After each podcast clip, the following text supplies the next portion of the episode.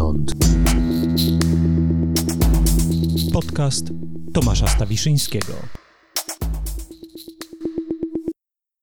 Dobry wieczór albo dzień dobry, Tomasz Stawiszyński. Witam Państwa w kolejnej odsłonie podcastu Skądinąd. No i na początku oczywiście tradycyjnie podziękuję patronkom, patronom, subskrybentkom, subskrybentom. Dzięki za wsparcie. Wszystkich, którzy uważają, że ten podcast wsparcia jest wart, odsyłam na moją stronę internetową www.stawiszynski.org albo na profil na portalu Patronite podcastu Skądinąd. No i zachęcam do tego, żeby dali wyraz materialny temu przekonaniu swojemu. A jeśli nie mogą sobie Państwo na to pozwolić, jeśli nie macie środków do tego, żeby takie wsparcie dać, no to oczywiście też zachęcam bardzo do różnych innych e, oznak e, aprobaty, na przykład do wystawiania dobrych ocen w różnych miejscach, do dawania gwiazdek, do szerowania e, podcastu, do lubienia strony na, pod, na Facebooku. To są wszystko rzeczy, które sprawiają, że kapitał i symboliczny, i nie tylko symboliczny podcastu skądinąd rośnie. A tym razem naszym gościem będzie Marcin Ilski, mądry facet, powiem po prostu. Bardzo mądry facet. E, niegdyś trener rozwoju osobistego, wzięty trener rozwoju osobistego, który rozczarował się do tych wszystkich e, rozwojowych technik, e, narracji, do tej całej kultury opartej o koncepcję samorozwoju, samostanowienia, nabywania różnych sprawności po to, żeby jeszcze lepiej radzić sobie w tej brutalnej rzeczywistości, w której żyjemy. Stworzył taką stronę Smutni, trenerzy rozwoju osobistego, gdzie w sposób ironiczny te wszystkie dogmaty rozwojowe, w które niegdyś wierzył, komentował. No i później ze smutnych trenerów powstali sceptyczni trenerzy, a Marcin Ilski także opublikował całkiem niedawno bardzo ciekawą świetnie czytającą się książkę Życzliwy sceptycyzm, e, w której pisze o różnych e, i bajasach poznawczych, które mamy, i próbuje taką postawę życzliwego sceptycyzmu wobec świata scharakteryzować. Bardzo to jest fajna książka i cieszę się, że Marcin przyjął moje e, zaproszenie. Powiedziałem, że to jest mądry facet nie przypadkowo, bo będziemy rozmawiali o męskości po prostu, o tym, co to jest męskość, czy jest kryzys męskości, jak to się mówi, o tym wszystkim, co się wiąże z tak zwanym konserwatywnym mm, czy prawicowym zwrotem w myśleniu o świecie, którego to myślenia koncepcja męskości, stereotypowa, tradycyjna koncepcja męskości jest dosyć istotnym elementem. No cóż, nie będę rozwlekał tego e, wstępu. Posłuchają Państwo sami, co też z Marcinem Ilskim o męskości, ale i o kobiecości oczywiście we współczesnym świecie powiedzieliśmy. Przed Państwem Marcin Ilski.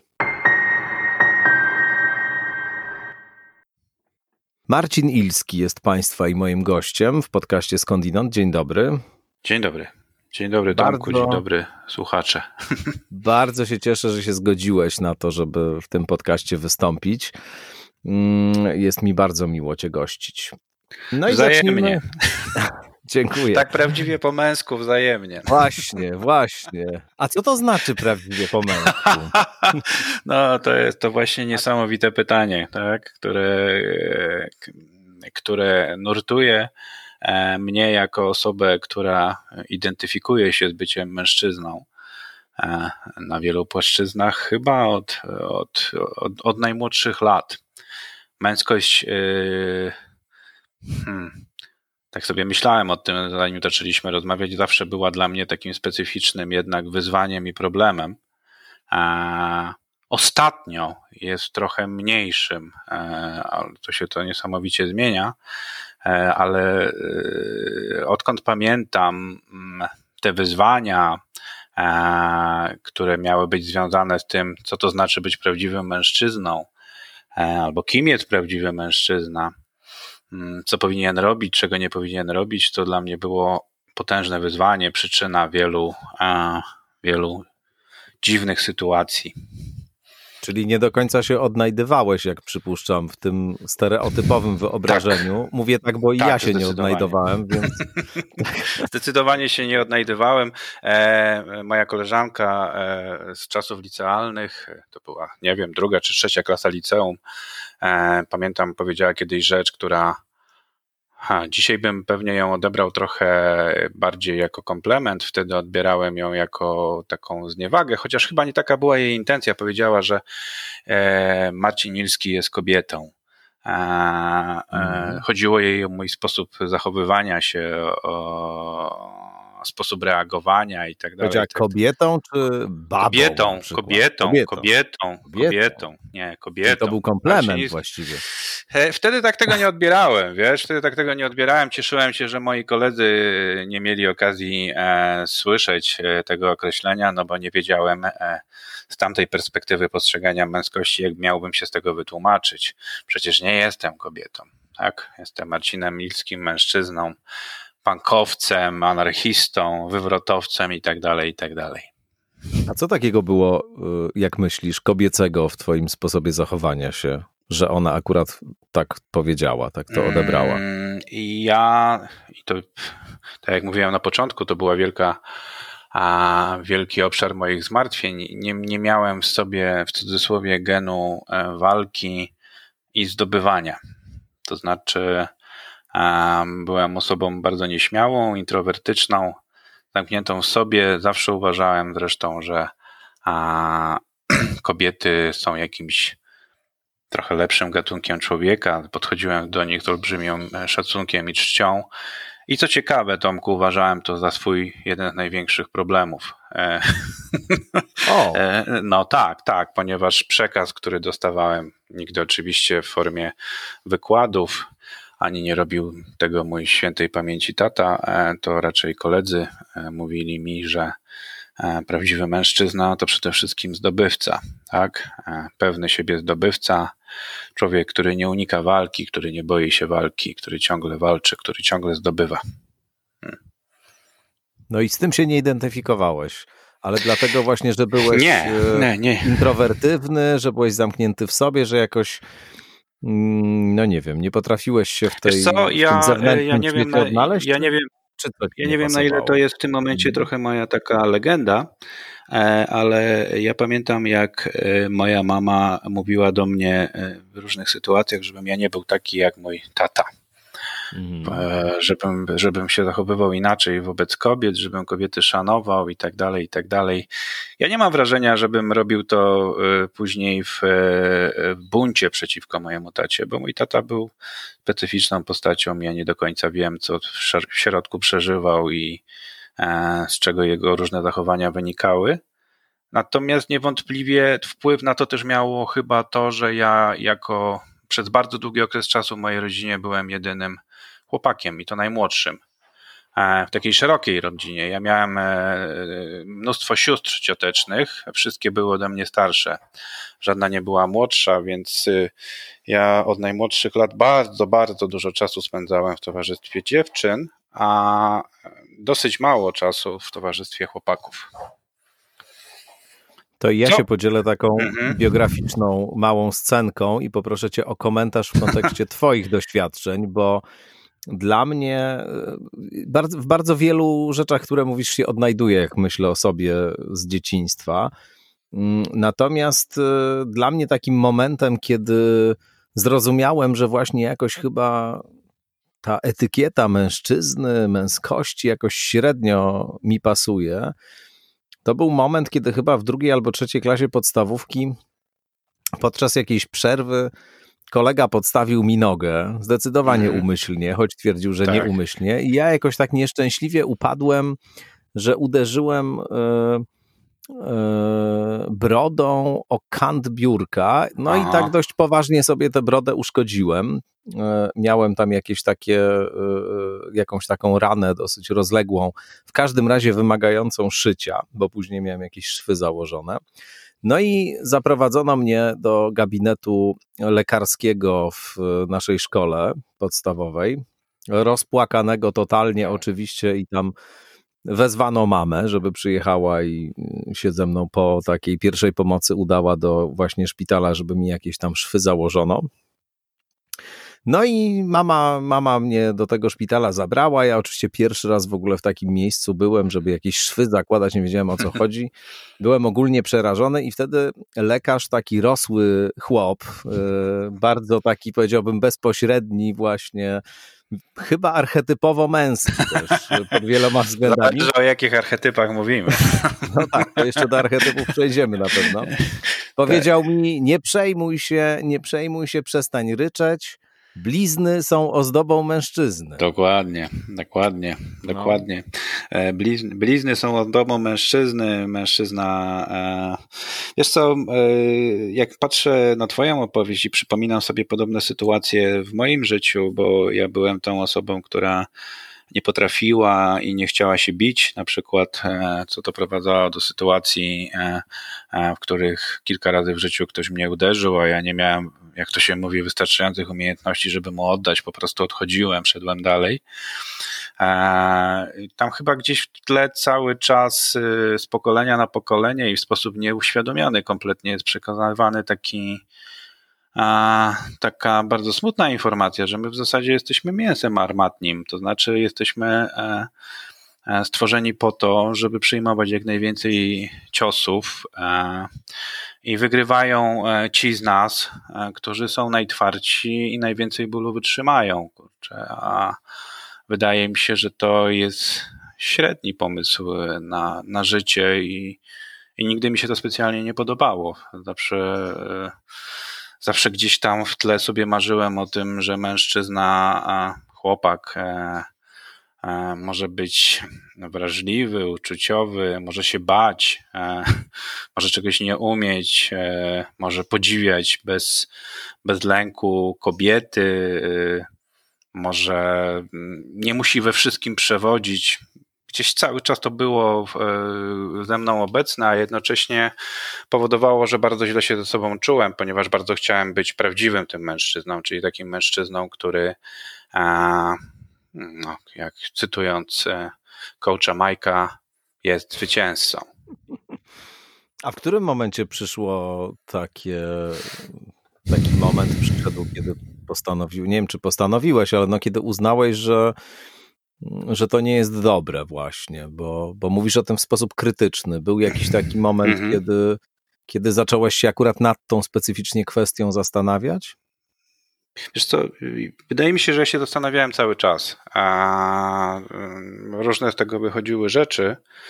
E, ja nie pamiętam przełomowego momentu. Ja e, im bardziej przestałem e, traktować swoje zachowania, swoje emocje, swój sposób patrzenia na świat jako niepasujący do bycia mężczyzną, tym lepiej się czułem. To znaczy, im bardziej e, przestałem się zastanawiać, czy to, że ja w taki, a nie inny sposób reaguję na, na, na drugą osobę, e, na czyjąś krzywdę, mm, że nie chce mi się uczestniczyć e, w, w pewnych wyścigach, e, e, że, że, że nie chcę toczyć pewnych walk że to nie, nie jest nic złego, że to po prostu jestem ja w jakimś sensie i że to w żaden sposób y, nie, e, e, nie ma, nie wpływa na to, czy można, czy też nie można mnie nazywać mężczyzną. E, I to ciekawe,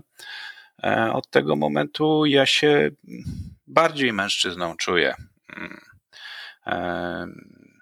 Bardziej się dobrze czuję. Ja, ja, się nigdy nie czułem źle samego faktu, nie wiem, bycia biologicznym mężczyzną. Mm. Zawsze mi się to podobało. E, natomiast e, wielkim wyzwaniem dla mnie było to, że to się wiązało z jakimiś, e, z jakimiś przedziwnymi, e, e, destrukcyjnymi często e, zasadami, E, których ja nie, nie czułem, e, że, że chcę, że chcę ich przestrzegać, że to jest to, na czym polega, na czym ma polegać męskość. Tylko bardzo długo e, oczywiście szukałem męskich autorytetów, czyli ludzi, którzy, a, którzy by mi powiedzieli jednak, e, e, jak to jest naprawdę, bo przecież wiadomo, że ja się mylę, e, jestem za młody, za mało doświadczony i tak dalej, i tak dalej a tych autorytetów szukałem wśród ludzi, e, e, którzy, których inni mężczyźni, moi znajomi, koledzy uznawali za autorytety, albo którzy byli postrzegani jako męskie autorytety. Tyle, że wyzwanie było takie, że e, każde takie spotkanie ostatecznie się kończyło pewną formą rozczarowania, co jest, co jest nawet zdrowe. Bo od tych ludzi czegoś tam się nauczyłem, ale to wciąż dla mnie nie była ta męskość, której, której ja się czułem dobrze. Wydaje mi się istotne w tym, co mówisz, zwrócenie uwagi na to, że to także jest pewna fasada, to znaczy, że mhm. ten wizerunek y, kulturowo aprobowany, no właśnie, ten testosteronowa wersja męskości, ona skrywa bardzo często, nie zawsze, bo są, przypuszczam, takie osoby, które się świetnie w tym odnajdują i realizują na 100% ten model e, i, e, i z nimi pewnie jest inaczej. Natomiast myślę, że w ogromnym stopniu Często tego nie widzimy, ale za tego rodzaju fasadą skrywa się depresja, frustracja, różnego rodzaju obawy, lęki, brak akceptacji siebie, no cała masa różnych y, kłopotów, które biorą się z takiego kontrastu, zderzenia pomiędzy. Strach i lęk. Mhm. No i właśnie z lęku też. Mhm. E, zresztą, y, wiesz, y, też chciałbym, żeby to y, zabrzmiało w naszej rozmowie. Ja, ja, ja na przykład nie uważam, że ja odkryłem istotę męskości w ten sposób. Y, y, wydaje mi się, że e, tych rodzajów męskości, e, rzeczy, które można do męskości przy, przypisać, jest tak dużo, a że problemem jest raczej to, że próbowaliśmy zrobić z tego, albo próbujemy wciąż, ciągle robić e, zestaw kilku reguł, których wszyscy bez wyjątku muszą przestrzegać, żeby, żeby można było ich do grona prawdziwych mężczyzn e, zaliczyć. To, co ty powiedziałeś, w tym jest mnóstwo nieuświadomionego raczej strachu i lęku. Ja na przykład widzę ten backlash polski Widać to w wypowiedziach panów polityków i nie tylko. To jest taki powrót y, do takiego świata y, paradoksalnie bardzo bezpiecznego, w którym e, e, wystarczyło huknąć, e, powiedzieć, że się ma władzę i wszyscy nas słuchali niezależnie od tego, czy, ma, czy mieliśmy rację, czy też nie mieliśmy racji i czy to było korzystne dla nas, czy też nie było korzystne. Ponieważ kobiety włożyły bardzo dużo wysiłku, żeby stać, żeby, żeby rozwinąć swoją siłę, swój, swoją samoświadomość. A, a my jako mężczyźni, uogólniam oczywiście, tej pracy wykonywaliśmy o wiele mniej, bo przez bardzo długi okres czasu po prostu nie musieliśmy jej wykonywać. To teraz e, taka pierwsza chyba reakcja, która się u wielu mężczyzn pojawia, to jest taka reakcja, żeby było jak dawniej żebym nie musiał nic zmieniać, żebym nie musiał e, e, odkrywać, że jestem. To jest chyba dla mnie największe odkrycie, że my, mężczyźni, jesteśmy skomplikowanymi istotami, a nie prostymi, jednowymiarowymi, nastawionymi tylko na pewne określone cele istotami. Jesteśmy wielowymiarowi. E, I chyba mm, tu jest to takie fajne odkrycie, że kiedy ja czytałem jakiś czas temu, pamiętam jakie dla mnie, jakim dla mnie odkryciem było czytanie książki o trochę mylącym tytule Instrukcja e, obsługi penisa. Wyszła taka książka. I kiedy ja sobie uświadomiłem, czytając tę książkę, że ja nic nie wiem o swojej seksualności, że ja nic nie wiem o swoim ciele, że ja żyję w świecie mitów. E, a propos tego, e, czym jest seksualność męska, jak działa męski organizm w tych obszarach, do czego jestem zobowiązany, do czego jestem niezobowiązany, co muszę, czego nie muszę, że to są mity, które powtarzamy sobie i przekazujemy z pokolenia na pokolenia, ponieważ e, nie wiem, chyba wierzymy w ten bardzo przedziwny mit, że jesteśmy prostymi instrumentami, kurczę, do przedłużania gatunku i do szybkiego zaspokojenia swoich e, zwierzęcych potrzeb, co nas cholernie zubaża i, i stanowi przeszkodę w budowaniu fajnych relacji e, z innymi ludźmi, z kobietami, jeżeli jesteś osobą heteroseksualną, czy z innymi e, mężczyznami, jeżeli jesteś na przykład osobą homoseksualną. To jest ten świat, który teraz jak czytam historię męskości, ten taki mm, słowo, obraz terytoria wydało pierwszy tom, to widzę, że my cały czas gdzieś powielamy e, e, bardzo staro, niemalże starożytne e, koncepcje męskości, wręcz wywodzące się jeszcze ze Sparty, z Grecji, z Rzymu, kompletnie nie znając ich źródła, powielamy ten, ten przedziwny etos, że mężczyzna jest stworzony do tego, żeby rządzić państwem i ginąć na wojnie. Mimo, że szczerze mówiąc, świat już poszedł tak do przodu, że coraz mniej się od nas tego potrzebuje.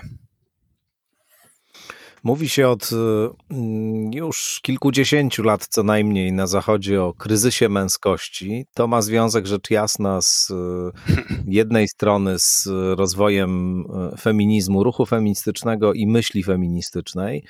To jest jakiś istotny kontekst. Ty o tym też wspomniałeś, że kobiety w jakimś sensie tę swoją tożsamość bardzo intensywnie przemyśliwują już od dłuższego czasu tak. E, I, e, I dość dobrze dzisiaj wiedzą chyba, e, czego chcą, o co im chodzi, jakie mhm. cele przed nimi stoją. Przynajmniej znaczna ich część to wie. Natomiast jeżeli chodzi tak. o mężczyzn, to analogicznej pracy nie wykonano, jak się wydaje. To znaczy, tak. nie wykonano analogicznej pracy w warunkach jednak demontażu takiej klasycznej patriarchalnej kultury, gdzie właśnie mężczyzna miał jasno zdefiniowaną mm, rolę w hierarchii społecznej stał wyżej niż kobieta mm, i, e, i był głową rodziny i rozliczne odpowiedzialności na nim spoczywały. Natomiast e, drugim takim kontekstem, w którym mówi się o kryzysie męskości, to jest e, kontekst kryzysu ojcostwa. To znaczy zjawiska, które też mniej więcej sięga czasów lat 50., 60., E, kiedy to e, pokolenie osób, które mm, było na wojnie, które z tej wojny często nie, wró- nie wracało, nie wróciło, no, pozostawiło pewnego rodzaju z jednej strony lukę e, u swoich synów, którzy albo tych ojców nie znali, albo, mhm. albo no, funkcjonowali w warunkach dosyć skomplikowanych z ludźmi, którzy często cierpieli na PTSD albo na różne inne E, trudne, e, trudne mm, stany emocjonalne wywołane między innymi właśnie tymi doświadczeniami wojennymi. I tak 50., 60. lata to, to jest moment, kiedy to pokolenie zaczyna dorastać, też wchodzić jakoś później w dorosłość tych, tych synów właśnie wojennych. Tam jeszcze w różnych miejscach różne wojny się zdarzają mm, po drodze. Mm, no i, e, i później ci synowie mają kolejnych synów. I tak, tak. jak to Wojciech Eichelberger pisał w latach 90. w świetnej książce Zdradzony przez ojca, ojca no tworzy się swoista taka, takie dziedzictwo pewnego rodzaju tak. deficytu, pewnego rodzaju braku wzorca mhm. właśnie, tego, że właśnie już nie masz tego wzorca wyraźnego, którym bywali w każdym razie do pewnego momentu ojcowie. Chciałbym, żebyśmy się zatrzymali na moment w ogóle przy tym pojęciu kryzysu męskości. Co on dla ciebie znaczy? Czy ty widzisz to zjawisko i jak je rozumiesz? E, kryzys męskości. Wiesz co, jeżeli, jeżeli mm, bierzemy tutaj taką patriarchalną definicję e, tego, czym jest męskość, która była e, i jest również opresyjna dla wielu mężczyzn, bo w patriarchacie oprócz zniewolenia kobiet chodzi moim zdaniem w ogóle o, o zniewolenie słabszych. E, jakkolwiek byłaby to może kontrowersyjna teza. To, to jest kultura to, siły po prostu i silnych. To jest kultura siły, której wygrywa się po prostu siłą, władzą, i innymi rzeczami, niezależnie od tego. Oczywiście kobiety e, e, o wiele bardziej cierpiały z tego powodu, ale, ale spora część mężczyzn też w tej kulturze, na przykład ja się nigdy nie odnajdywała, ani nie mogłam w cudzysłowie odnosić sukcesów. Mm, więc te, tego rodzaju podejścia kryzys jest i bardzo dobrze, że jest, bo, mm, no bo z, z perspektywy takiego dobrego funkcjonowania, nawet takiej bardzo racjonalnej i bardzo takiej y, na, na codzienne życie, to, to, to po prostu to to dłużej działać nie może, jeżeli patrzymy na to, y, widząc coraz więcej kobiet, dziewczyn, które absolutnie nie mają zamiaru e, ani potrzeby, ani chęci e, wpisywać się w ten schemat I w takiej perspektywy, jeżeli my się będziemy trzymali albo próbowali się sami jako mężczyźni w, w ten schemat wpisywać, to, to, to, to, to, to nic dziwnego, że, że będziemy mieli poczucie, że to jest kryzys, ale to jest taki kryzys, który wynika tylko z tego, że e, trudno nam dostrzec, że że, że, że, możemy zrobić coś innego, że to jest ten czas, w którym zamiast powtarzać stare schematy, iść, iść tą samą utartą ścieżką, e, właśnie tą ścieżką siły, e, pchania, pchania na siłę, że, że, że możemy się tej sytuacji sobie jako, jako, jako mężczyznom przyjrzeć e, z zupełnie innej perspektywy. Bo ty tutaj też powiedziałeś o, o, o tym, pokoleniu bez ojców, y, mi się wydaje, że ja w pewnym sensie też należę do tego, znaczy, znaczy mój ojciec był w takim pokoleniu, a, a później jedną z rzeczy, które ja najbardziej żałowałem, kiedy, y, kiedy, kiedy on odszedł, to jest, było to, że my nigdy nie zbudowaliśmy takiej prawdziwej, uczuciowej relacji. A, naprawdę tego żałowałem i strasznie mi tego brakowało. A, a żeby było w cudzysłowie śmieszniej, e, to ja i tu moja szanowna partnerka mogłaby to potwierdzić. E, wielokrotnie powtarzałem jej, że się cieszę, że mam córkę, ponieważ, e, e, ponieważ nie wiedziałbym, jak wychowywać syna. A co ciekawe, Tomek, i powiem to zupełnie szczerze, bo to dla mnie jest szokujące sam, kiedy sobie to uświadamiam. Ja jestem pełen nieufności wobec takiej dziwnej, instynktownej nieufności wobec istot, nawet małych istot, które są e, e, przyszłymi mężczyznami. Mam wrażenie, mm. że e, e, mam wrażenie, że mm,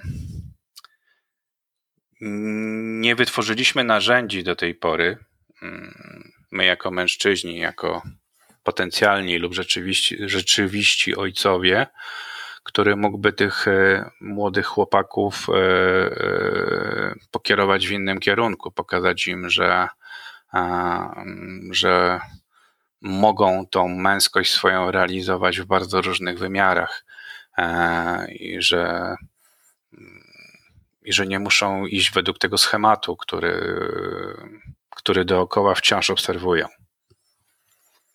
Więc tak, to... Mhm. z takiej perspektywy e, jest kryzys męskości, chociaż ten kryzys męskości e, też czytając różne książki i analizując to, ten kryzys trwa, trwa bardzo długo już, bo zawsze było coś takiego. Tak, że ktoś mówił, że to jest zachowanie prawdziwie męskie, a to zachowanie nie jest prawdziwie męskie.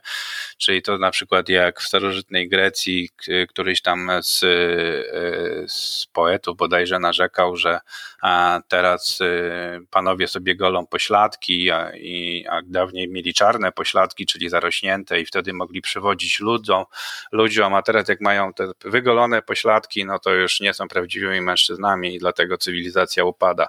To się mm, cyklicznie, to się, jak się czyta te książki, no ja to się cyklicznie zgadzam, się no, to nikt, powtarza. Nikt, nikt, kto nie ma czarnych pośladków, nie może rządzić światem. No, to jest no to właśnie, narośnięte no. pośladki, wiesz, są, to, to jest podstawa. No. A z drugiej Absolutnie. strony mamy też to troszeczkę odwrócony arebus, bo kiedy ja zapuściłem e, brodę w swoim życiu, to ciekawe reakcje były, ponieważ wielu e, moich znajomych, w tym wiele no moich taką, znajomych... wiesz, nie byle jaką brodę, bo twoja broda jest słynna. E, ale to ciekawe, dostawałem sygnały, że to takie jest. E, słuchaj, Tomku, lalusiowate takie, e, że w Warszawie. Moja broda lalusiowata. lalusiowate i że zapuści, zapuściłem ją, ponieważ, ponieważ, chcę, ponieważ chcę być modny. W ogóle te wszystkie, to jest bardzo ciekawe, że mm, bardzo duża ilość E, e, narracji na temat, e, kim mężczyzna nie powinien być, zamiast mówić o tym, kim powinien być, skupia się na tym, że mężczyzna przede wszystkim nie powinien być kobietą. W bardzo negatywnym świetle, oczywiście, stawiając kobiety. Czyli nie powinien być dbający przesadnie o siebie. Nie, nie do końca wiadomo, co to znaczy ten przesadnie dbający nie powinien być nadmiernie czuły, troskliwy i tak dalej, i tak dalej. Te, te, te, te, te, te narracje e, o upadku e, mężczyzn, nie wiem, czy się ze mną zgodzisz, e, ale ja takie mam przemyślenia ostatnio, bardzo często pokazują, że przyczyną tych nieszczęść jest to, że mężczyzna za bardzo ulega wpływom kobiety, że w ogóle, że w ogóle słucha kobiety, że, że nie toczy z nią wojny. Tak to troszeczkę wygląda. A przecież e, no nie ma innej możliwości budowania partnerskiej, fajnej relacji niż wzajemne słuchanie się. Absolutnie się zgadzam. Ja myślę, Dlatego... że zresztą, że, że może o tym jeszcze powiemy mm, za chwilę, ale że też w dużym stopniu y, niektóre nurty feminizmu bardzo akcentują taki antagonizm pomiędzy mężczyznami mhm. i kobietami. Te relacje też definiują w kategoriach wojny czy walki, a w każdym razie jakiegoś e, źródłowego, nieusuwalnego właśnie antagonizmu i że to tak. moim zdaniem nie jest dobry kierunek. To znaczy, to jest e, coś, co no właśnie powiedziałbym, że tylko pogarsza naszą ogólną sytuację i kobiet, i mężczyzn na świecie a nie mhm. polepsza, no mhm. bo, bo, bo ostatecznie jesteśmy jednak e, wszyscy istotami skończonymi, kruchymi, wrażliwymi, podatnymi na, e, na choroby, na słabość, na bezradność. No i idzie o to, żeby jakoś wspólnie urządzić sobie tutaj życie, tak żeby je jakoś w miarę dobrze przeżyć i tyle, a nie żeby ze tak. sobą wojować. Ja tą nieufność trochę rozumiem, wiesz, to jest... Ja, ja też e, rozumiem, wiesz co, jeszcze jedno zdanie tylko, bo przypomniało mi się coś z rozmowy, którą odbywałem jakiś czas temu z Ewą Ilus, świetną taką mhm. socjolożką izraelską, tak, autorką kojarzę, czytuję. bardzo, tak, bardzo dobrej książki o miłości. E, która też e, zresztą traktuje między innymi o tych e, wątkach, o których my tu rozmawiamy, bo się przygląda przemianom w rozumieniu ról kobiecych, męskich i, i tożsamości kobiecych i męskich, tak mniej więcej od XIX wieku w górę. No i rozmawialiśmy sporo też o mm, no właśnie takim trochę stereotypie tego potężnego, białego, heteroseksualnego mężczyzny, który, który włada wszystkim. E, w tym sensie mówię, że stereotypem e, jest to wyobrażenie, no, że mamy całą masę białych heteroseksualnych mężczyzn, na przykład w Stanach Zjednoczonych, którzy funkcjonują poniżej jakiegokolwiek minimum tak. socjalnego. Ich sytuacja no, jest tragiczna też. z wielu różnych. W Polsce tak, oczywiście na całym świecie, ale w Stanach to jest w ogóle wyjątkowo, wyjątkowo spektakularne. No i jak oni słyszą, że, że y, jakimś niezwykłym przywilejem tutaj dysponują, no to w naturalny sposób y, sięgają y, po najbardziej radykalną prawicę, która właśnie obsługuje im różne ich, ich resentymenty i, i problemy i trudności.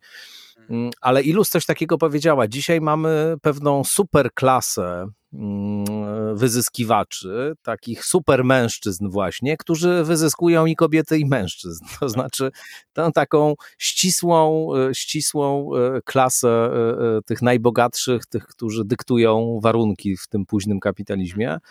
No i w zasadzie rzeczywiście trochę trzeba by chyba przemeblować także te kategorie i inaczej trochę popatrzeć na, na to, kto jest uprzywilejowany, a kto nie, kto wyzyskiwany, a kto wyzyskuje, że może trochę jakby ten taki paradygmat e, z trzeciej fali feminizmu, z czwartej fali feminizmu już tu nie pasuje za bardzo.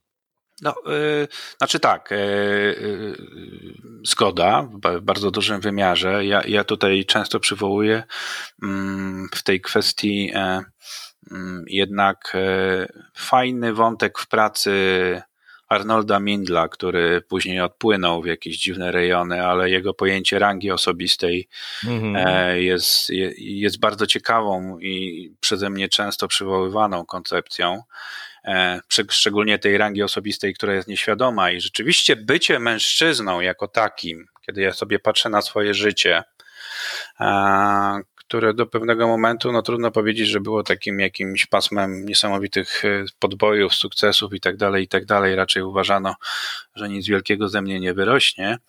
E, z tej perspektywy oczywiście męskiej że ja jednak e, e, jako mężczyzna e, rzeczywiście to życie lepsze w wielu wymiarach miałem. Nie?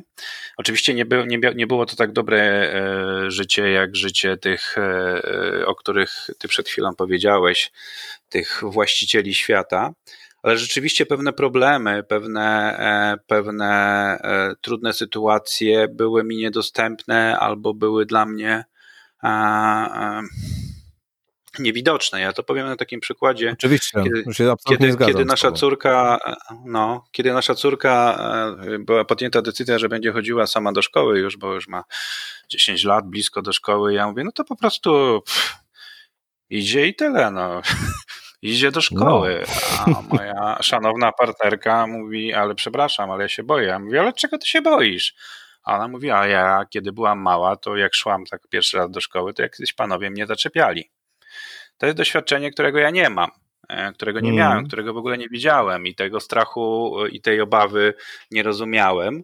E, I to jest pierwszy wymiar. To jest ten wymiar, w którym ja, wydaje mi się, że my sobie powinniśmy spróbować powiedzieć, że są wymiary, w których nawet tego nie wybierając, nawet nie będąc tego świadomi, mieliśmy łatwiejsze jako mężczyźni życie, przynajmniej do pewnego momentu. Ale dla mnie prawdziwe budowanie partnerstwa i prawdziwa rozmowa zaczyna się od momentu, w którym ja to przyznaję, ja to dostrzegam, ja to widzę i e, mając tego świadomość, e, e, przestajemy ciągle o tym rozmawiać, e, przestajemy rozmawiać ciągle o tym, jak ja to mam lepiej, bo, bo, bo, bo, bo urodziłem się tym mężczyzną. Bo to, co już mówiliśmy na początku razem rozmawiając, były również obszary, bo patriarchat, powtórzę, dla mnie jest właśnie, są rządami silniejszego. To jest, że, że to są rządy siły których ja, e, będąc innym typem mężczyzny, bo ja się cały czas mężczyzną czułem i czuję, czy wcześniej chłopakiem, e, obrywałem bardzo mocno również, tak? E, I że to wspólne dość, e, dostrzeżenie tego, jak e, te konstrukty, zarówno kobiecości, jak i męskości, e, potrafiły nam dezorganizować albo nawet czasami niszczyć życie albo relacje, jest takim ważnym momentem, w którym my możemy zacząć e, wychodzić e, z, z roli ofiar e, i zacząć próbować budować rzeczywiście tą partnerską relację, która wcale nie jest łatwa, bo kiedy mm, kiedy, kiedy idziesz w tym kierunku, że budujesz taką relację, którą uznajesz za partnerską, to e, co pewien czas odkrywasz coraz to nowe obszary, które e, e, pewnych stereotypowych przekonań, które w sobie masz. Moja kochana Agnieszka jest osobą, która jeździ po całej Polsce. Dużo jej nie ma w domu, bo taki ma zawód. I ja po pewnym czasie odkryłem, że zachowuje się w cudzysłowie oczywiście, jak to się przypisuje e, mm, czy przypisywało dawniej kobietom, że mąż ciężko styrany wracał z pracy, a kobieta miała, kobieta miała pretensje, mm. że się nią nie zajmuje, albo że on ma tutaj tyle obowiązków, y, ona ma ugotować obiad, zrobić gdzieś mi lekcję, a on przychodzi padnięty i, i oczekuje spokoju. I, I zauważyłem, z czego żeśmy się później śmiali, bo pewnym, do pewnego momentu nie było nam do śmiechu, że ja dokładnie te same e, dokładnie te same argumenty przywoływałem i mówiłem je do, do, do mojej ukochanej kobiety że ja tutaj się poświęcam, że robię lekcje, że gotuję, że sprzątam, a ona tego nie dostrzega. E, I wtedy zaczęliśmy się zastanawiać, i coraz bardziej zaczęło mi kiełkować w głowie, że to jest pewna, e, pewien systemowy problem. Systemowy problem polegający na tym, że e, system opieki nad dzieckiem, wychowywania dziecka i tak dalej, przynajmniej w Polsce jest skonstruowany w ten sposób, że albo masz dużo pieniędzy i, a, i zapewniasz swojemu dziecku, nie wiem, opiekunki, e, albo jedno z rodziców. E, do tej pory zazwyczaj była ta kobieta i wciąż bywa. Jedna z rodziców musi się poświęcić, w cudzysłowie, masz i złożyć siebie w ofierze, żeby drugie, e, żeby drugie w tym czasie na przykład przynosi, przynosiło pieniądze i zarabiało. I teraz jednym z wyzwań, które może się pojawić, moim zdaniem, kiedy my zaczniemy mówić, albo mężczyźni zaczną odkrywać, że nie muszą się trzymać sztywno pewnych ról, to jest to, że nagle zobaczą, e, że e, a nie będą wiedzieli, jak to nazwać do końca, że czują się gorzej, że, że, że to pozostawanie w domu, nie bycie w, w cudzysłowie w typowo męskich rolach ich uwiera, gryzie, że, że, że doświadczają jakichś, jakichś dziwnych emocji, których w zasadzie będąc mężczyznami doświadczać nie powinni byli. No.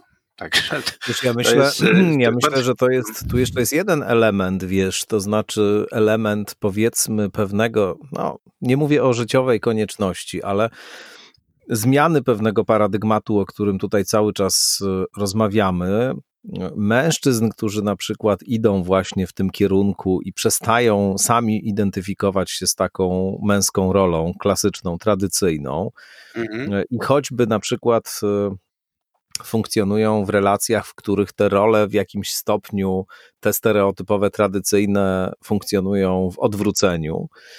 Mm, natomiast e, bardzo często, y, mimo tego, że oni y, tę zmianę czy to odwrócenie przyjmują ze zrozumieniem i nawet tego chcą i wychodzą właśnie poza tego typu stereotypy, to środowisko na przykład, w którym funkcjonują, niekoniecznie już.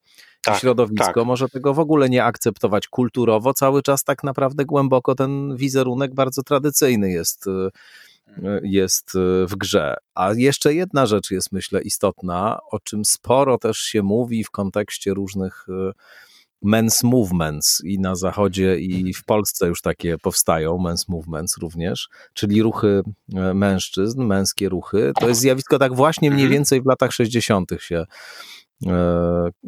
rozpoczynające w Stanach Zjednoczonych. Pierwsze men's movements powstały właśnie po to, żeby mężczyźni mogli jakoś w swoim gronie, często z udziałem jakichś tam liderów, starszych, starszych e, mędrców, którzy, którzy jakoś tam ścieżką męską podążają, e, no zastanowić nad tym, w jaki sposób właściwie dzisiaj mężczyzną być w tym świecie. No i mm, i y, w tych men's movement zwraca się uwagę na to, że często same kobiety niekoniecznie wcale oczekują tego rodzaju zmiany, a raczej y, inaczej jeszcze. Oczekują i nie oczekują zarazem. To znaczy mogą mieć mhm. sprzeczne oczekiwania, y, i z jednej strony chcieć takiej właśnie, takiego mężczyzny, który wychodzi poza stereotypową rolę, z drugiej strony gdzieś tam jakoś mimo wszystko, z uwagi też na pewien głęboki wdruk kulturowy, przecież wszyscy w tym patriarchacie tak. E, żyjemy i z jego powodu też cierpimy. Kobiety bardziej, niewątpliwie. Podkreślmy to. W każdym razie, że, że często jest tak, że, że, że e, to oczekiwanie jest sprzeczne i to tak, ale... też wytwarza bardzo wiele różnych napięć, problemów i tak dalej. Mhm. E, znaczy, wiesz co, z perspektywy tego, czym ja się zajmuję, czyli myślenia krytycznego i systemowego, dla mnie to nie jest dziwne. E, wiesz, to, to, jest, e, to jest rzecz... Zupełnie naturalna. Musimy się, jeżeli, jeżeli, jeżeli, jeżeli, tak. mhm. jeżeli mielibyśmy sobie używać tego wielkiego, a dlaczego nie słowa, jak się wspierać jako mężczyźni, nie izolować, ale wspierać się wzajemnie w tym procesie przemiany, to tutaj jedną z istotnych rzeczy będzie to, żebyśmy mm, my, jako mężczyźni, e, mieli świadomość, że my, to, że my chcemy zmienić te relacje nie tylko dlatego w taki sposób reaktywny, że kobiety od nas tego oczekują lub tego nie oczekują, tak? Bo to gdzieś jest taki ja żartobliwie sobie mówię, że to gdzieś jest bardzo głęboko, nieodkryte jeszcze też podłoże y, patriarchatu, czyli ogólnie kompleksy mężczyzn wobec kobiet. I to ciągłe sfokusowanie się, kurczę, co kobiety myślą, czego chcą, czego pragną i tak dalej, i tak dalej, że to nie jest kwestia tego. E, moja partnerka też często nie, nie jest wszystkimi moimi zachowaniami zachwycona, ponieważ to jest zupełnie normalne, że ma pewien wzorzec, zresztą bardzo dobry wzorzec wyjątkowo e, w postaci swojego taty, e, jakiegoś, jakiś wzorzec mężczyzny jak się mężczyzna powinien zachowywać. Ona niesamowicie mnie wspiera w tym procesie być jakimś e, wychodzenia poza te stereotypowe role, ale czasami by kiedy na przykład ja mam słabszy dzień, albo jestem w tak zwanym złym nastroju, ale nie złym nastroju burczącym, nie tylko nie masz słabsze dni? Tak, melancholijnym, albo wspominam moich zmarłych rodziców, albo coś w tym stylu, to ona mówi, otrząśnij się, kurczę, to nie jest czas na takie mm. rzeczy i tak dalej, i tak dalej. I jeżeli, mm, oczywiście, jeżeli, i to nie jest kwestia tego, że ona mi tego, mi tego zabrania, tylko to jest, y, że w takiej sytuacji kobieta też się musi y, skonfrontować ze swoimi, często nieuświadomionymi stereotypami, bo na płaszczyźnie świadomej Dużo kobiet chce już mężczyzn, którzy wychodzą z tych e, ciasnych ról, ale jest mnóstwo e, ram, e, mnóstwo modeli myślowych, które są bardzo głęboko osadzone i które wywołują lęk, kiedy widzi się mężczyznę, który na przykład mówi, ale ja nie wiem, co ja mam z tym zrobić. Też się troszeczkę załamałem na przykład. To nie znaczy, że, mm, że to ma być stan mm. stały, ale że w tym momencie mm, widzimy, jak, jak, jak ściśle były, y, jak głęboko gdzieś są mm, powdrukowywane te, te przekonania, jak powinien się mężczyzna zachowywać, jak powinna się zachowywać kobieta. To, to, to więc ten, ten dysonans, który się będzie, on, on będzie i po jednej, i po drugiej stronie. E, czyli mm, żeby do tej zmiany doszło, to ja też muszę przede wszystkim sam dla siebie widzieć, że, że, że ja tego chcę. E, że, że na przykład przeżywanie żałoby w taki sposób, który jest dla mnie istotny, nie polega na tym, że siedzę i piję na przykład, albo że rąbię drewno, E, tylko że zdarzy mi się uronić łzę, czy coś w tym stylu, albo trochę mm, się zamyślić, to jest coś, czego ja potrzebuję dla swojego zdrowia fizycznego i psychicznego. E, to nie będzie się wpisywało w jakiś e, mm, w jakiś obraz, który ja do tej pory widziałem, jak mężczyźni reagują, kiedy, kiedy umiera im ktoś bliski. I oni wtedy po prostu mówią, no dobra, przykro mi jest, ale no teraz zdarza ja muszę się, wziąć odpowiedzialność, ogarnąć, ogarnąć, a ty tutaj wiem, kobieto, będziesz płakała, no ale ja nie mogę płakać, więc, bo ktoś musi tutaj nie płakać, żeby ktoś mógł płakać. Nie, możemy razem popłakać. E, e, tylko, że to często, kiedy pada to stwierdzenie, no to pojawiają się bardzo przedziwne skojarzenia wynikające z tych silnych e, modeli myślowych, typu, a usiądziemy i będziemy płakali, i tak będziemy siedzieli i będziemy płakali. Nie. Jak się ja nazywam to odwagą jednak wciąż. Jak się pozwolisz sobie na ten płacz, to ten płacz w końcu odchodzi, on cię oczyszcza i odchodzi. To nie jest coś, w czym się zanurzasz. Natomiast to, kiedy go hamujesz albo próbujesz go e, prze, przełożyć po męsku na natychmiastowe działanie, to tak jak rozmawiałem z wieloma moimi kolegami, później i tak e, ta żałoba, ta trauma śmierci gdzieś powraca w najmniej, w najmniej spodziewanych momentach kończy się jakimiś dziwnymi historiami, albo jakimś długim piciem, albo jakimiś autoagresywnymi zachowaniami ogólnie, czy coś w tym stylu. E, więc y, my chyba e, też musimy się nauczyć bardzo, bardzo kontrowersyjnej tezy, że posiadamy e, głębokie uczucia i że jesteśmy jako mężczyźni istotami wrażliwymi, podatnymi na zranienie, i, i, i, i, i żeby trochę inaczej konfrontować się ze swoimi strachami i obawami, nie tylko poprzez walkę, zdobywanie i natychmiastowe działanie. Zobacz, tak, że... tak mi czasami to przychodzi. Mhm. Zobacz, że mamy y, współcześnie z jednej strony ja się w pełni identyfikuję z tym, co mówisz i w ogóle mm, bardzo lubię się z tobą zgadzać. Najczęściej się z tobą zgadzam, nie tylko w tej sprawie. Wszystko, wszystko to przed nami. z dużym zadowoleniem to przyjmuję, bo, bo często jakoś e, w tym, co piszesz, w tym, co mówisz, yy, znajduję własne myśli przekonania i też doświadczenia e, w tej dzisiejszej rozmowie dużo wspólnych doświadczeń jakoś zarejestrowałem naszych. Natomiast e, zwróć uwagę, że jest takie specyficzne zjawisko dzisiaj, bo z jednej strony mamy przynajmniej jakąś, powiedzmy, że rosnącą grupę mężczyzn, można tak chyba powiedzieć, którzy świadomi są tych wszystkich przemian, o których mówimy, sami e, dostrzegają negatywny wymiar patriarchatu, nie tylko hmm. dlatego, że on również robi im krzywdę, skłonni są do tego, żeby go przepracować istotnie i zmodyfikować, ale także dlatego, że E, no widzą, co, to, co ta kultura robiła z kobietami i w jaki sposób kobiety pozycjonowała. Co robiła z planetą, za... co robi ze zwierzętami. A, no właśnie, wiesz, to, no, jest, to jest inna sprawa, absolutnie. No i zależy im na tym rzeczywiście, żeby coś z tym zrobić i też mają pewien rodzaj yy, poczucia, że no, ich własna praca nad sobą jest czymś wskazanym. Z drugiej strony mamy ogromny backlash y, konserwatywno-prawicowy na Zachodzie, tak. Y, który, którego częścią istotną jest właśnie między innymi takie akcentowanie tradycyjnych męskich wartości, tradycyjnych męskich ról, restytucja właściwie takiego stereotypowego, tradycyjnego mężczyzny, o którym wcześniej mówiliśmy. No i to jest o tyle, powiedziałbym, e, zjawisko, które robi się przynajmniej na swoich marginesach e, niebezpieczne. No, że mamy tam taką rosnącą grupę coraz bardziej radykalnych mężczyzn młodych zazwyczaj, mhm. którzy bardzo wrogo nastawieni są wobec e, emancypujących i się kobiet i wyemancypowanych kobiet. Ale też wyemancypowanych mężczyzn również. Ale też wyemancypowanych mężczyzn oczywiście, jak najbardziej.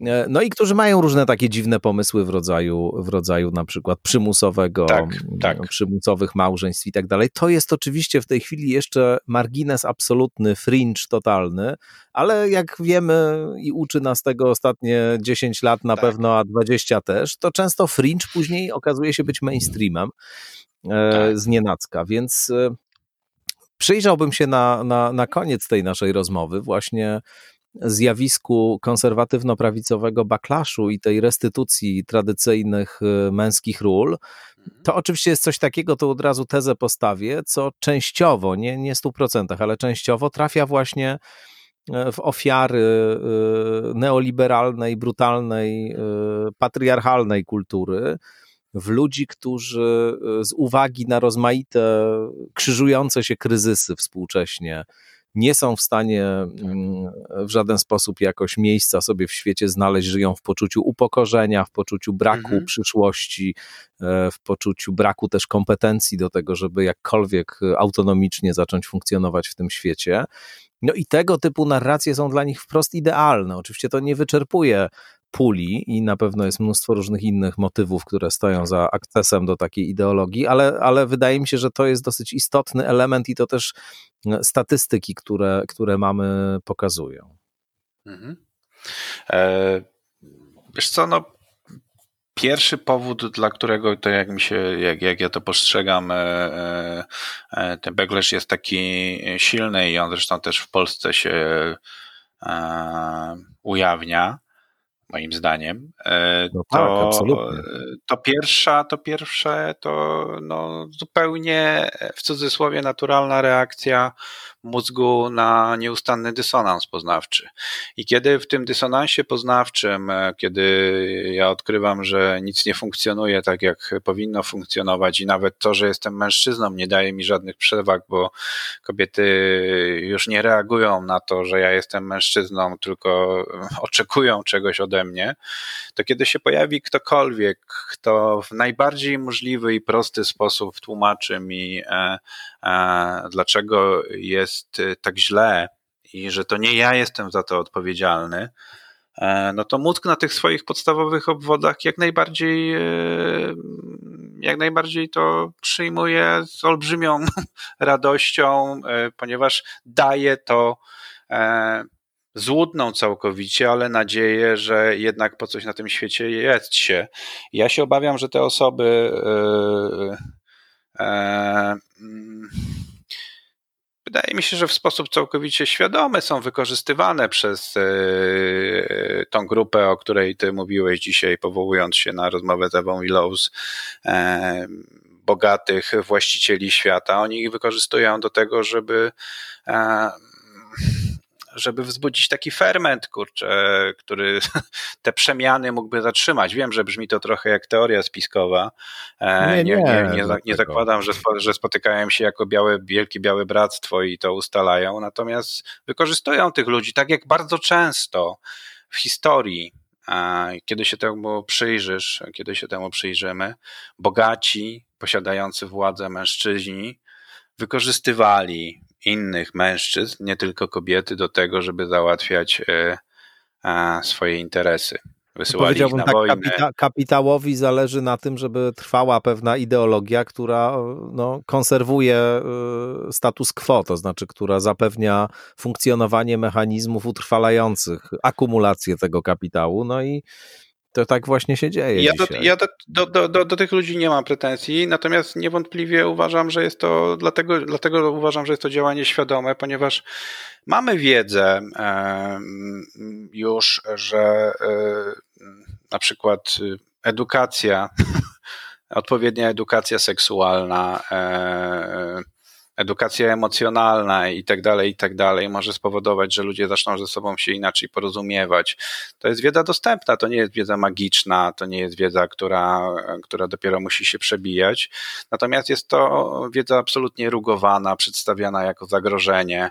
A tutaj mieliśmy taką sytuację, kiedy rozmawialiśmy ze sąsiadem u nas na Muranowie i e, Wyszło gdzieś w rozmowie pytanie na temat tego, czy ich córka chodziła na wychowanie do życia w rodzinie i on mówi, nie, nie, nie chodziła, bo tam, wiesz, takie męskie sprawy są poruszane bardziej. E, więc e, ci ludzie e, im bardziej będą od, e, im bardziej nie będą mieli dostępu do, do, do, do, do, do wiedzy na temat tego, czym jest ich seksualność, czym są ich uczucia, że te uczucia wkurzenia, e, lęku, zagrożenia. Można również e, przetworzyć, budując jakieś wspólnoty, nawet męskie wspólnoty oparte o troskę, czułość, nie wiem, wzajemne wspieranie się, no to będą, moim zdaniem, nie jest to może optymistyczne, ale będą zmierzali siłą rozpędu w kierunku tego, żeby E, odbudować ten świat e, w cudzysłowie tradycyjnych wartości, polegających na tym, że każdy zna swoje miejsce. I, I, kiedy już e, pomogą ten stan przywrócić, chociaż z drugiej strony jestem optymistą, bo wydaje mi się, że pewne rzeczy może i powoli pójdą, ale do przodu powinny pójść, to odkryją, że dalej znajdują się na dnie, że dalej, że dalej się ich sytuacja nie poprawiła, a wtedy pewnie przedstawi się im e, innych wrogów, których, e, którzy są odpowiedzialni za to, że wciąż nie mają takiego życia, jakie, jakie chcieliby mieć. Ja bym jeszcze dodał do tego, co mówisz, że pewnym elementem e, bardzo ważnym tych populizmów prawicowych i tego mm, konserwatywnego zwrotu współczesnego jest taka narracja indywidualistyczna, to znaczy mhm. tutaj bardzo mm, intensywnie y, odwołują się y, autorzy tych y, ideologii do sprawczości jednostkowej, do tego właśnie, żebyś najpierw ze sobą porządek zrobił, sprzątnął swój pokój, tak, jak tak. mówił Jordan Peterson w słynnych tak. swoich tak, tak, powiedzeniach. Jedna, jedna z takich w ogóle figur niezwykle istotnych dla tego konserwatywnego zwrotu. Mhm. Obecnie, obecnie y, po tym, jak kompletnie rozsypał się psychicznie, co jakoś tak. powiem szczerze, że sympatię moją do niego wzbudziło. tak, ten, ten hejt, znaczy, którego to, spotka, te takie heheszkowe historie, które go wtedy spotkały, tak, bardzo mnie tak, tak zabolały, tak. szczerze mówiąc. A, a, on rzeczywiście po prostu w jakieś straszne uzależnienie popadł od benzodiazepin i i właściwie tam nie wiadomo do końca, co się z nim e, tak. do tej pory dzieje. Mhm. Jakieś miał straszne, straszne przejścia. No wiesz, pokazał słabość. Razie... Pokazał tak, słabość w cudzysłowie, tak, więc... Absolutnie. Ale to ciekawe, że to... Ale wiesz, on też... mówił, że, że, że, że, to właśnie masz posprzątać ten pokój, najpierw e, uporządkować swoje sprawy, później brać się za porządkowanie świata. Jakby to bardzo mocno buduje takie przekonanie właśnie, że systemowe sprawy są mniej istotne, że nie zajmuj się kwestiami wielkiej polityki, nie staraj się patrzeć na problemy społeczne właśnie systemowo, tylko raczej przypisuj indywidualną odpo odpowiedzialność osobom, które w danym miejscu w hierarchii społecznej się znajdują. Jeśli ktoś jest bogaty, no to znaczy, że jest po prostu bardzo zaradny, sprawny i świetnie sobie poradził, ma fantastyczne cechy. Jeśli ktoś jest e, biedny, no to znaczy, że był leniwy, nie pracował, nie chciał bogactwa, no to trudno, no to nie dostał. No i a, sposób, a, jeżeli, a, jeżeli nie masz, a jeżeli nie masz kobiety, to po prostu dlatego, że nie jesteś prawdziwym mężczyzną, który potrafi tak, huknąć, tak. Stuknąć, zdobyć, skolonizować, pokazać siłę i tak dalej, i tak dalej. Więc znowu wracając do tej metafory, uporządkuj swoje podwórko, e, mm, e, dobądź tę żyznę fizyczną, bądź zdecydowany władczy, e, wytłumacz kobiecie, gdzie jej miejsce, gdzie jej rola i, i może wtedy odzyskasz spokój i poczucie, i, i poczucie właśnie tej sprawczości, o której mówiłeś. E, to się raczej nie zrealizuje, no ale to jest marzenie, zresztą to Wiesz co, to też nie jest, wydaje mi się, marzenie tylko a, tych biednych, wykluczonych e, e, mężczyzn, ale kiedy na przykład słucham sobie naszego nowego ministra edukacji, pana Czarnka, to on też by chciał ten świat poukładać e, e, w ten sposób, żeby po prostu kobiety wróciły do swojej naturalnej, stworzonej przez rolę, roli, e, roli tych, które rodzą dzieci i zaczynają rodzić w wieku 20-22 lat, co powiedział wprost. I wtedy świat będzie prostszy, bo on będzie dalej mógł sobie, nie wiem... ale to jest, powiem ci szczerze... Sprawować władzę. Niesłychane wprost, co ten człowiek wygaduje i bardzo mnie dziwi, bo co prawda od czasu do czasu ujawnia się jakiś rodzaj głębokiej irracjonalności Jarosława Kaczyńskiego, jakichś takich momentów, mhm. kiedy ta maska takiego demiurgicznego przywódcy państwa, który wszystko trzyma e, żelazną ręką i panuje nad wszystkimi sprawami i takich strategicznych ruchów dokonuje, no to, to jakoś tak właśnie na marginesach czasami jakieś iskrzenia następują i gdzieś tam jakaś właśnie taka opada kurtyna na moment i, i widzimy prawdziwą twarz tego wszystkiego. Mhm. I to mhm. jest taki moment właśnie, to znaczy branie takiego, takiego człowieka, który rzeczywiście jest po prostu jakimś ultra e, konserwatystą i, i reprezentuje naprawdę radykalne poglądy, skrajnie radykalne, bo nie uważam przy tym wszystkim, jakby co możemy powiedzieć złego opisie, że to jest jakiś ultraradykalizm prawicowy, tak. natomiast y, mamy w Polsce ultraradykałów prawicowych i no i właśnie jeden został ministrem edukacji. I to jest zupełnie, zupełnie... No właśnie i teraz takie... Prawdziwy, wiesz, prawdziwy facet. powstaje wyzwanie, czy rzeczywiście nasza, e, e, nasza konstatacja, że to jest ultra konserwatywny radykał e, rzeczywiście e, odpowiada pewnej, pewnemu modelowi myślowemu, pewnej ramie, która już w naszym kraju obowiązuje. Może wcale to już nie jest radykalizm w naszym kraju. Może to jest już coś, co e, tfu, staje się nawiązując do słów pana premiera, nową normalnością. No, powiedziałbym nawet, czyli... czym się pewnie narażę zwolennikom kościoła otwartego, y, który moim zdaniem nie istnieje, znaczy jest, jest fikcją, że to jest po prostu też jeden do jednego y, katolicyzm po prostu, brany serio, mm. nie katolicyzm, który traktujemy jako pewną metaforę, jako pewną E, taką grę kulturową, jako pewną perspektywę, która, która nam e, pasuje. Tylko jak się to wszystko rzeczywiście weźmie jeden do jednego, no to mamy dokładnie dokładnie tego rodzaju postawę i ona jest bardzo konsekwentna i, i rozumiem, że może uwodzić, męska, że ona może, no właśnie, że ona może uwodzić pewne Patrz, osoby. jest męska, męska, mhm. konsekwentna, nie ma niuansów za dużo, nie ma za dużo wahania, nie. nie ma myślenia krytycznego, rozumianego, a może jest inaczej, a przedyskutujmy, a porozmawiajmy, tylko jest konsekwentne, zdecydowanie działanie. Podoba się czy nie podoba, jest rozumiem, rozumiem. To są prawdziwi mężczyźni, oni do czegoś dochodzą. To jest ja tutaj jeszcze na koniec wrzucę takie ziarenko do swojego ogródka. To jest to, co było powtarzane, to, co my powtarzaliśmy jako trenerzy mm. rozwoju osobistego na warsztatach. Musisz być konsekwentny, musisz być spójny, musisz być zdecydowany, musisz być bezczelny. E, musisz być właśnie, jeżeli jesteś kobietą, też musisz to robić. Musisz być, jak to piękna metafora pokazuje, mod, e, pewna rama, kobietą z jajami nie? Co ciekawe, nigdy się nie mówi w pozytywnym sensie, że facet z cipką to jest coś, e, coś fajnego, no nie? Natomiast mm. kobieta z jajami, jakkolwiek pejoratywne, to czasami jednak mówi się to e, też z pewnym, e, z, pew, z pewnym szacunkiem. nie? Więc to jest, to jest tak głęboko, chyba sobie warto zdawać z tego sprawę, że próbując tutaj coś zmienić, że tutaj e, chyba rewolucji nie będzie. To jest taki proces, który będzie trwał e, przez jakiś czas i, e, i, i wymaga takich małych, codziennych kroków, czyli nieulegania tej no, pięknie to było pokazane. Co prawda to dotyczyło tego słynnego kościoła otwartego, o którym mówisz, ale w drugim, drugim, sezon, w, drugim sezonie serialu e, w Nowym Papieżu Sorrentino, e, gdzie my żeśmy się, e, mam nadzieję, że to nie będą spoilery dla niektórych, że my żeśmy naprawdę złapali się z moją Agnieszką na tym, że przez kilka odcinków, zanim Sorrentino nie wyprowadził nas z błędów, żyliśmy w głębokim przekonaniu, że oto jednak Sorrentino pokazuje, że ten prawdziwie nastawiony na Chrystusa Chrystusową miłość Kościół jest możliwy nawet w Watykanie.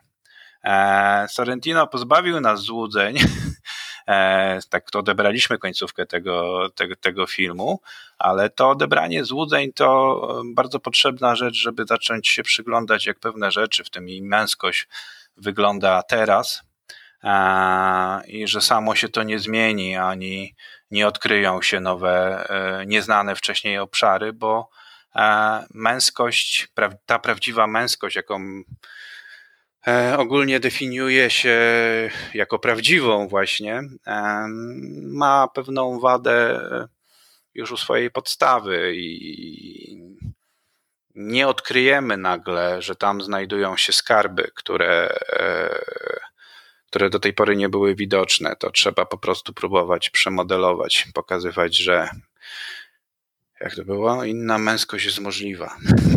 O, jaka piękna puenta. Podpisuję się pod tym, że jest. Tak, tak.